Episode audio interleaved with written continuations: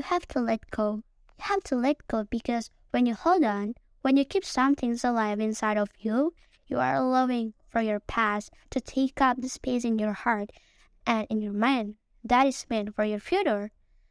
You have to let go because at the end of the day, if you are going to find a human being who is going to bring you to the deepest kind of joy, if you are going to find a person who is going to help you to experience the kind of love you have always deserved, you have to make sure that you are ready for it.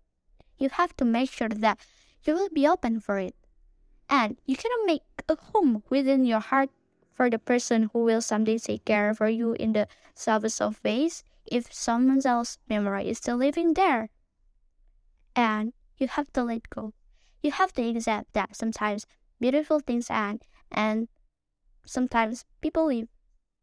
That sometimes two human beings can be the old.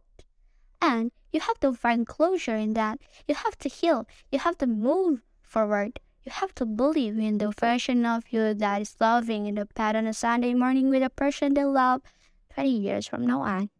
Because you deserve that future is waiting for you, then choose it.